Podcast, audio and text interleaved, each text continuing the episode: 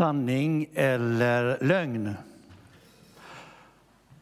Vi möter det varje dag via media. Information, nyheter, händelser. Några säger att det inte stämmer, det är fejk. Andra säger att det stämmer, det är fakta. Du och jag får själva avgöra det ena eller det andra.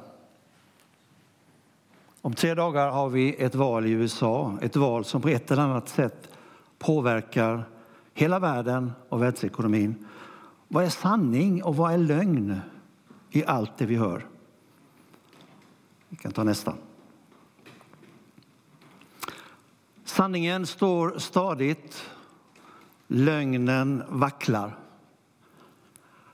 Det hebreiska ordet för sanning är emmet och består av tre bokstäver som läses från höger till vänster. Alef, mem och tav. Alef inleder även det hebreiska alfabetet. Mem återfinns i mitten och tav står som sista bokstav. De här tre bokstäverna har två beröringspunkter med den tänkta baslinjen och de står stadigt. Typografiskt så har Alef och Tav också en fot, som du ser på bilden, på sin vänstra kant. Ordet för lögn är på hebreiska sheker och består också av tre bokstäver. Grundtextens ord för sanning står stadigt på två fötter. Men ordet för lögn, det vacklar på ett ben. Och psalm 119 säger summan av ditt ord, Herre, det är sanning. Och alla dina rättfärdiga domar är eviga. Och I Uppenbarelseboken 21 kan vi läsa att Jesus själv säger Jag är alfa, jag är början, jag är omega, jag är slutet. Jag är för allting och jag är in till slutet. Sanning står stadigt, lögn den vacklar. Vi kan byta. Men idag ska ni få följa med mig eh, in i eh, Gamla testamentet. Vi ska möta en man som föddes 620 år före Kristus och han levde sina första 15 år i Jerusalem. Den boken i Gamla testamentet som vi hämtar texterna idag är ett fantastiskt bevis på att just Guds ord är sanning. Det Gud uppenbarar om framtiden, det är det som gäller. Vi möter en ung 15-åring som blir krigsfånge. Han fick vandra de cirka 150 milen till Babel, som var dåtidens huvudstad i Babylon. Vi befinner oss 605 f.Kr. och kung Nabopolassar har precis dött och hans son Nebukadnessar efterträder som kung i Babylon. Och Nebukadnessar kommer att regera i 43 år. 597 f.Kr. väljer Nebukadnessar att inta Jerusalem och 11 år senare så väljer han också att förstöra templet i Jerusalem. Kungen i Juda i den här tiden, han heter Joakim. I Guds ögon en mycket ond kung. Och för att försäkra sig om Joakims lojalitet så tar Nebukadnessar några ungdomar som gisslan och de ska vara av kunglig släkt. Det här är den första deportationen till Babylon och till och med templet plundras alltså delvis. Du kan läsa mer om det här i en bok som heter Esra. Vår unge 15-åring han blir alltså deporterad. Han har ett namn som betyder Gud är min domare. Hans tre vänner har även de väldigt fina namn. Hananja, det betyder Javé är nådefull. Michael, som betyder Vem är som Gud? Och Asarja, och det betyder Javé är en hjälpare. De tre, de fyra vännerna är på väg mot Babylon. Vi kan byta bild. Det är alltså Daniel vi möter i Daniels bok. Och det vi ska titta på då är att Gud verkligen har kontroll över världshistorien. Den här boken i Gamla testamentet är både historisk och profetisk. Den är skriven under en tioårsperiod av Daniel som är författare. ungefär 530-540 f.Kr. Och boken berör en 70-årsperiod som sträcker sig från just 605 till 536. Språket är på arameiska, delvis, för det var världsspråket då i Babylon, och hebreiska, för boken vänder sig i vissa kapitel just till det judiska folket. Jesus själv nämner om Daniel i Matteus 24 och 15. Eh, Jesus talar i det kapitlet om den yttersta tiden och då refererar han till just profeten Daniel som hade sagt någonting för drygt 500 år tidigare. Det är så att Daniel är endast en av två personer i Bibeln som omnämns som högt älskad. Den andra är Johannes, han som skrev ett evangelium, tre brev och inte minst Uppenbarelseboken. Gud säger om Daniel, redan när du började be, då gick det ut ett ord och jag har kommit för att förmedla det, för du är högt älskad. Daniel 9 och 23. Det är intressant att de två författare som har förtroendet och privilegiet att författa Bibelns två viktigaste böcker om just ändens tid, den yttersta tiden, det är de som Gud själv benämner som högt älskade. Vi kan skifta. Ja, vad har vi då för spår ifrån antiken och från den här tiden när Daniel levde ifrån Babylon? Det du får se på den här bilden nu, om du tittar på den vänstra bilden, då är det så att Nebukadnessar han använde omkring 15 miljoner tegelstenar för sina byggprojekt i Babylon. Och tusentals av dem, där ristade han in sitt namn i kilskrift. Ofta kunde det stå Nebukadnessar, Nabopolassars äldste son, Babylons kung. Den här brickan kan du besöka om du är på British Museum i London. Bilderna till höger, ja, du behöver inte åka så långt. Det räcker att du åker till Göteborg, till Röhsska museet.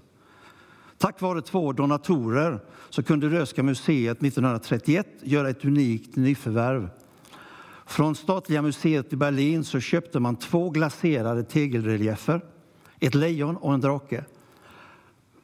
De härstammade från de tyska utgrävningarna som hade gjorts i Babylon. I Sverige är dessa ensamma representanter för det gamla Babylons konstnärliga kultur. Ursprungligen antogs det att lejonreliefen på Röhsska museet det var ett av de ursprungliga sammanlagt 120 lejon på Processionsgatan i Babylon, den som ledde fram till Marduk-templet. Så London, Berlin, Göteborg, ja, du finner bevis för det babylonska riket. Vi kan ta nästa. Eller så reser du hit Eh, vilket du kanske inte gör idag. Men här är ett foto som är från kullen där Saddam Hussein byggde sitt sommarpalats. Och framför det ser du nu ruinerna av ett antikt Babylon. Babylon låg nämligen strax söder om dagens Bagdad. Det är hit till Babel som dessa fyra unga tonårsgrabbar från Jerusalem kommer år 605. Nebukadnessar han ber chefen för hovtjänstemännen, som heter Aspenas, att välja ut några av Israels unga män.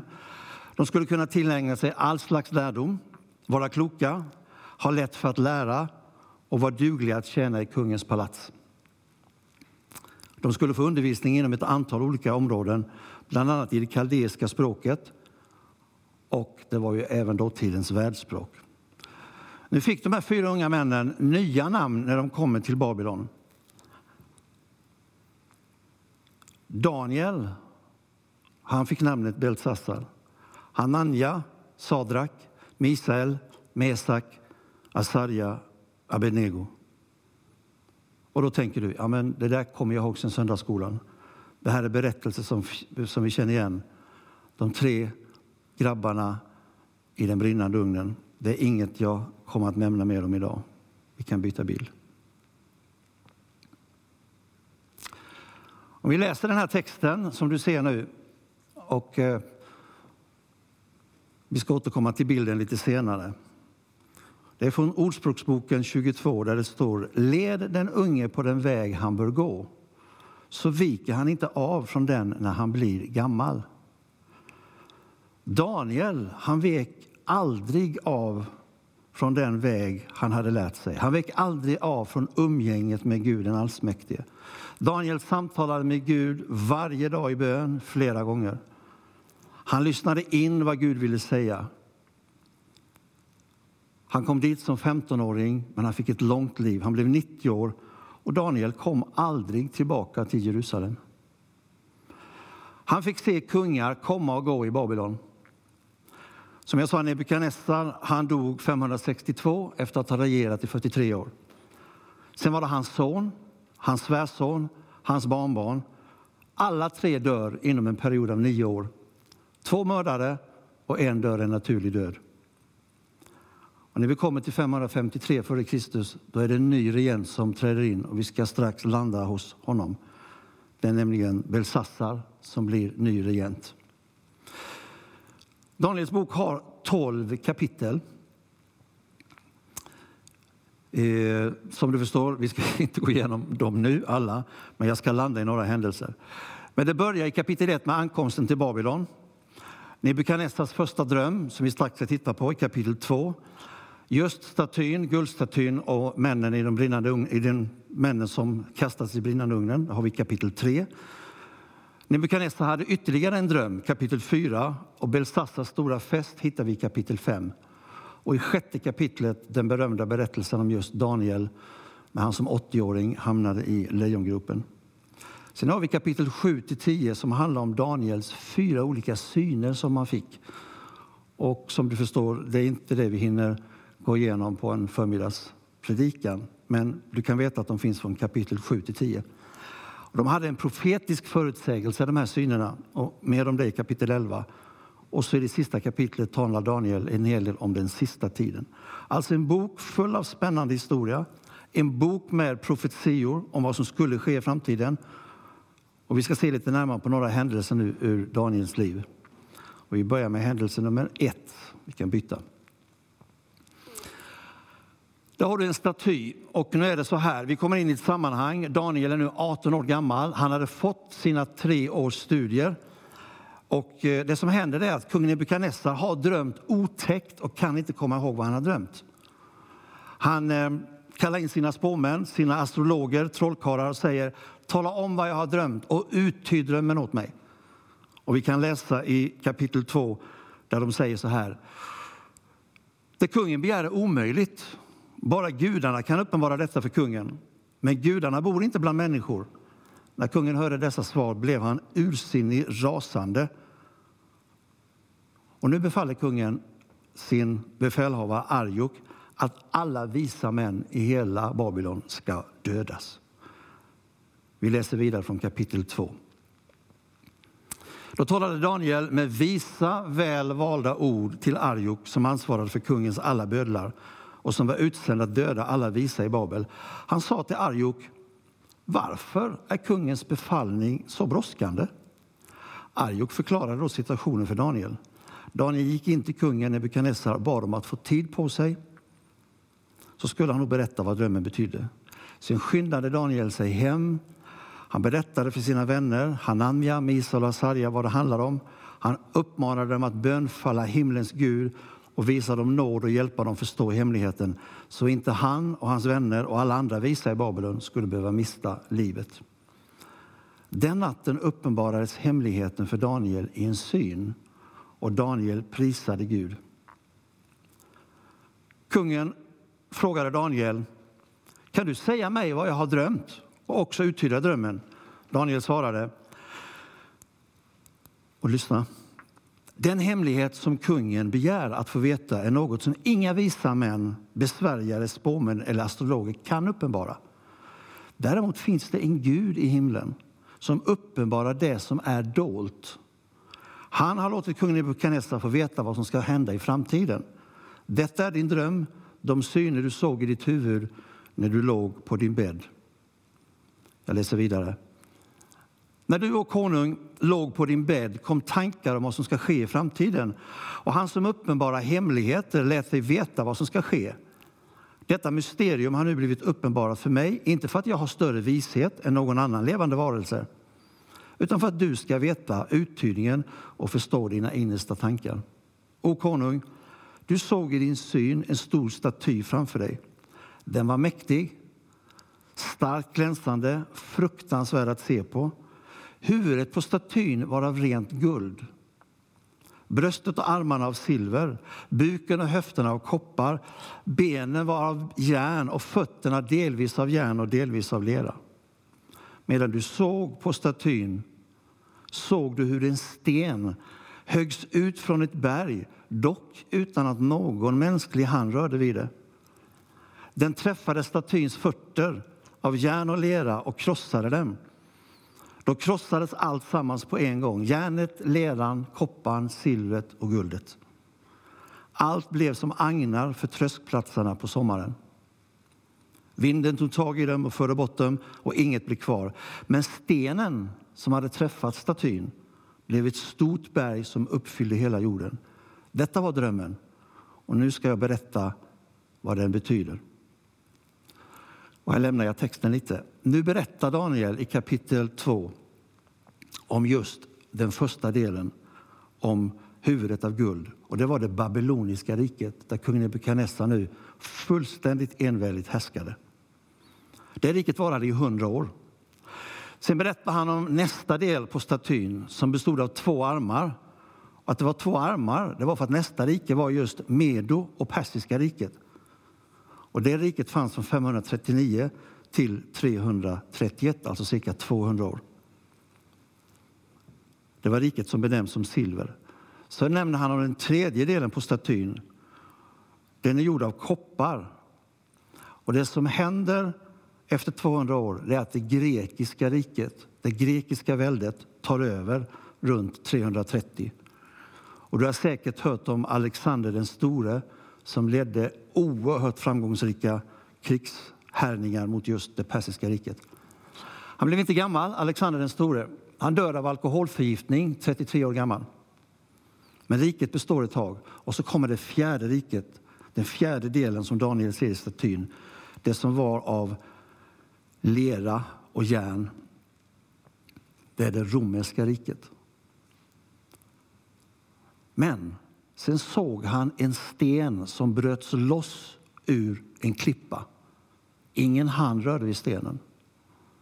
Och den stenen kom att krossa statyn nerifrån och upp. Lera, järn, koppar, silver och guld. Guds eviga rike.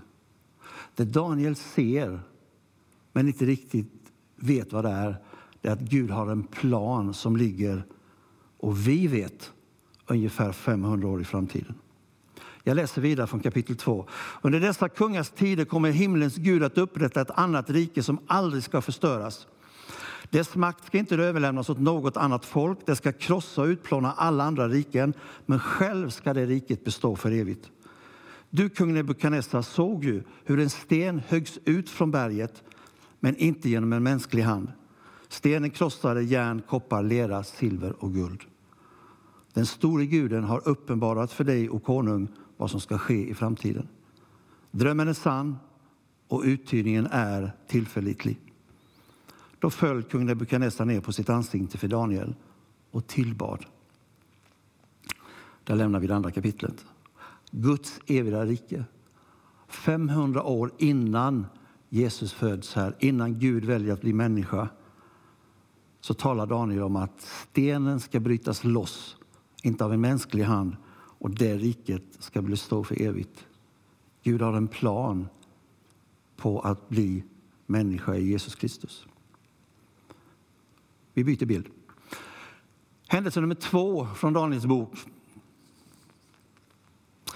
Nu förflyttar vi oss en bit framåt, 539 före Kristus, och nu är Daniel 81 år gammal. Han har varit med om en hel del. Nebukadnessar har varit död i 23 år. Och det är Belsassar. Man tror att det var hans barnbarn. Här är det lite olika tolkningar, men det är han som regerar. Storhetstiden börjar närma sig sitt slut för Babylon. Den persiska armén står redan utanför murarna, har tagit sig fram, har redan förintat ett antal städer. Men oron finns inte hos Besassar, för murarna är gigantiskt tjocka, enormt långa och väldigt, väldigt höga. Så Beltsassar han ställer till ett gästabud, en vild fest, verkligen vild, under belägringen. Och här är det bara högmod som lyser i Beltsassar. Vi läser från kapitel 5. Medan Betsassar drack vin och var påverkad av alkoholen befallde han att guld och silverkärlen som hans företrädare Nebukadnessar hade plundrat från templet i Jerusalem skulle hämtas fram så att kungen, hans stormän, hans fruar, hans bihustrur, alla skulle kunna dricka ur dem. Då bar man fram guldkärlen som hade tagits ur Guds tempel i Jerusalem. Kungen, hans stormän, hans fruar, hans bihustrur, de drack vin ur dem. Och medan de drack prisade de sina gudar av guld, silver, koppar, järn, trä och sten. I samma stund syntes fingrar från en människohand som skrev på den vitkalkade väggen mittemot den stora ljusstaken i kungens palats. Kungen såg baksidan på handen som skrev. Kungens ansikte bleknar, hans tankar skrämmer honom, hans höftleder ger vika, hans knän börjar skaka. Och där lämnar jag kapitel 5 och lite fritt berättar. Kungen ropar in alla sina astrologer, spåmän och säger vad är det som händer? Se dig framför dig. Man tror att man kanske inte var i en stor sal utan man kanske var på en stor, stor innergård så att det var fritt, fri himmel. Men där är det någon osynlig, synlig hand men från någon osynlig värld som skriver på väggen. Spåmännen kan inte hjälpa honom någonting. Men nu kommer farmor in, troligtvis Nebukadnessars fru, som då var gammal. Och hon säger till Belsassar, det finns en man i vårt land som är full av den helige Gudens ande. Och han heter Daniel. Kalla in honom. Kungen kallar in Belsassar och jag läser igen från kapitel 5. För nu har han lovat att Daniel ska få mycket gåvor och annat om han lyckas med det här. Jag läser. Daniel sa, behåll dina fina gåvor själv och ge dem till någon annan. Men skriften på väggen ska jag läsa för dig och berätta vad den betyder. O kung, den högste guden gav din företrädare Nebukadnessar ett rike, storhet, ära och majestät. Eftersom Gud har låtit honom få så stor makt darrade människor från alla folk, stammar och språkgrupper inför honom. Den han ville blev dödad, den han ville blev skonad. Den han ville blev upphöjd. Den han ville blev avsatt. Medan Nebukadnessar blev högmodig och arrogant och stöttades han från sin kungatron och blev fråntagen sin ära. Han drevs bort från människor och hans hjärta blev som ett ljus. Han levde bland vildåsnor och åt gräs som en oxe och hans kropp fuktades av, morgon, av himmelens dagg. Det här pågick ända till han insåg att Gud, den högste, råder över människors alla riken och upphöjer vem man vill till att härska över dem. Men du, Belsassar, hans efterträdare, du har ändå inte ödmjukat ditt hjärta trots att du visste allt detta. Istället har du satt dig upp mot himlens Herre. Du tog fram kärlen från hans hus, från hans tempel i Jerusalem. Sedan drack du, dina stormän, dina fruar och dina bihustrur vin ur dessa. Du prisade gudar av silver, guld Ja, gudar som varken hör, ser eller förstår. Men du har inte ärat den Gud som har ditt nästa andetag och hela din existens, alla dina vägar, i sin hand. Istället har du vanärat och hädat honom. Detta är allvarligt. Därför har han sänt denna hand som nu har skrivit texten. Och här är vad det står. Mene, mene, tekel, Ufarsin. Jag fortsätter läsa. Det här är vad orden betyder. Mene, räknad. Gud har räknat ditt rikes dagar och gjort slut på det. Tekel, vägd. Du har blivit vägd på en balansvåg och du har blivit funnen för lätt. Ufarsin. Ditt rike har blivit delat och ska ges åt meder och perser. På Belsassars befallning blev Daniel klädd i purpur, en guldkedja hängde som hans hals. Man utropade honom att få den tredje högsta positionen i riket. Samma natt, samma natt blev Belsassar, Kaldenas kung, dödad och Darjaves från medernas rike tog över.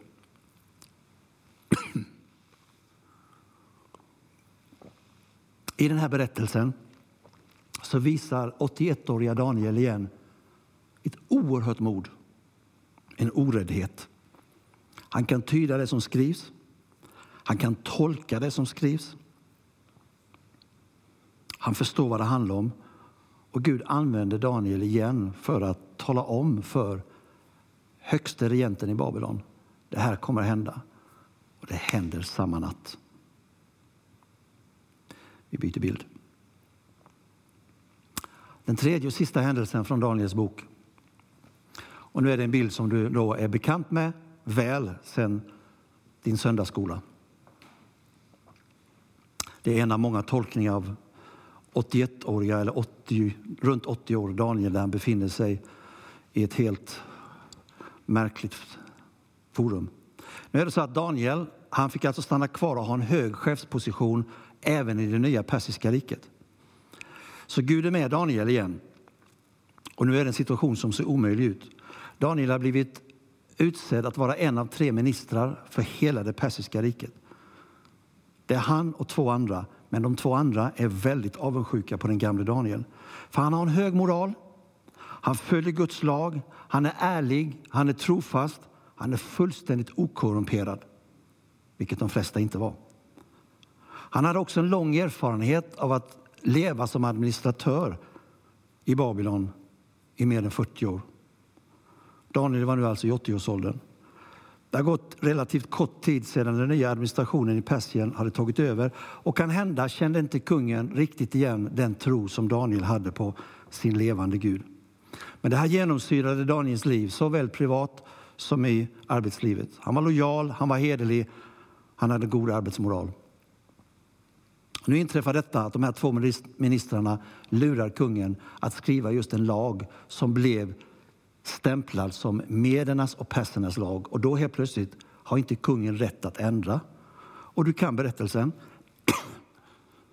Man får inte tillbe någon annan än kung Darjaves i 30 dagar. Vi har hört berättelsen så många gånger, men sätt dig in i situationen. Ursäkta. 80 år, har levt länge, har god erfarenhet av vad Gud har gjort tidigare.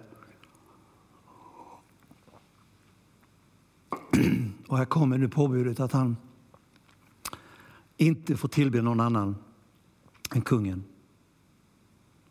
Daniel han visste, jag fortsätter att varje dag samtala och gå till den Gud som är allsmäktig.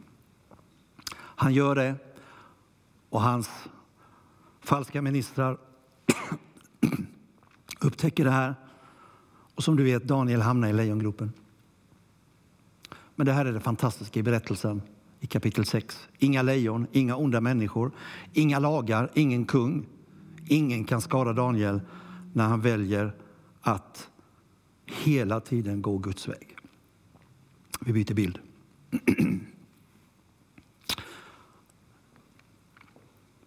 Det du ser nu framför dig det är, jag ska bara erinra några korta, korta årtal som eh, visar vad som hände nu mot Daniels, eh, slutet av hans liv. Som jag sa, 539 så faller det babyloniska riket. Och eh,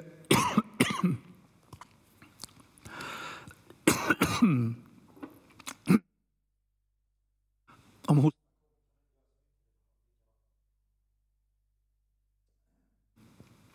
Det är inte så att jag är rörd över min egen predikan, men jag är strax tillbaka i halsen. Så här är det.